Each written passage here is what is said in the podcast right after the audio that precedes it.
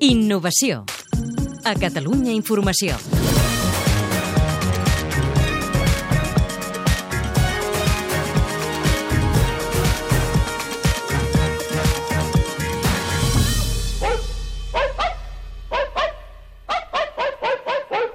L'Ecan presenta molts avantatges en relació amb el tradicional pipicant. Fran Campo, director tècnic del projecte.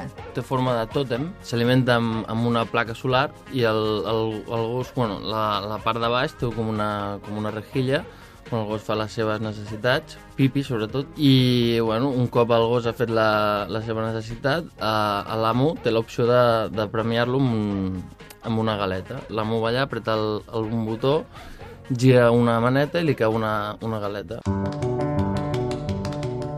És, per tant, sostenible, no fa mal a la vista i crea hàbit perquè l'animal, en obtenir un premi, té ganes de fer-hi les necessitats. A més a més, no fa pudor.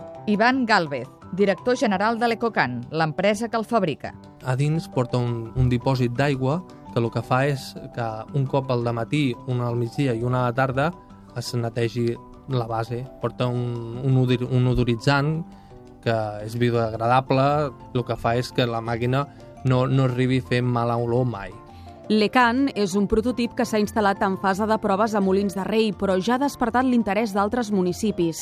Els seus creadors esperen que tingui èxit. De fet, encara treballem a, a, a les nostres empreses, a, les, que, les que ens donen de menjar, i bueno, espera, ara és un procés de, de començar que ja tingui molt bona acollida, tot i que hi ha sis ajuntaments ja que estan interessats en, en el nostre servei, però fins que no engegui no podem plegar de les nostres feines. Un dels seus reclams de cara als ajuntaments és precisament que surt força més barat que un pipicant tradicional. Les avantatges que li ofereix això a un ajuntament és eh, estalvi amb neteja, amb substitució de mobiliari urbà que es va degradant amb el, amb el temps, millora de la, de la imatge urbana i no tindre que sacrificar un espai de terra gran per poder instal·lar un, un servei per donar les necessitats als amos dels gossos. A més, l'Ecan pot portar publicitat i no només de productes relacionats amb els animals.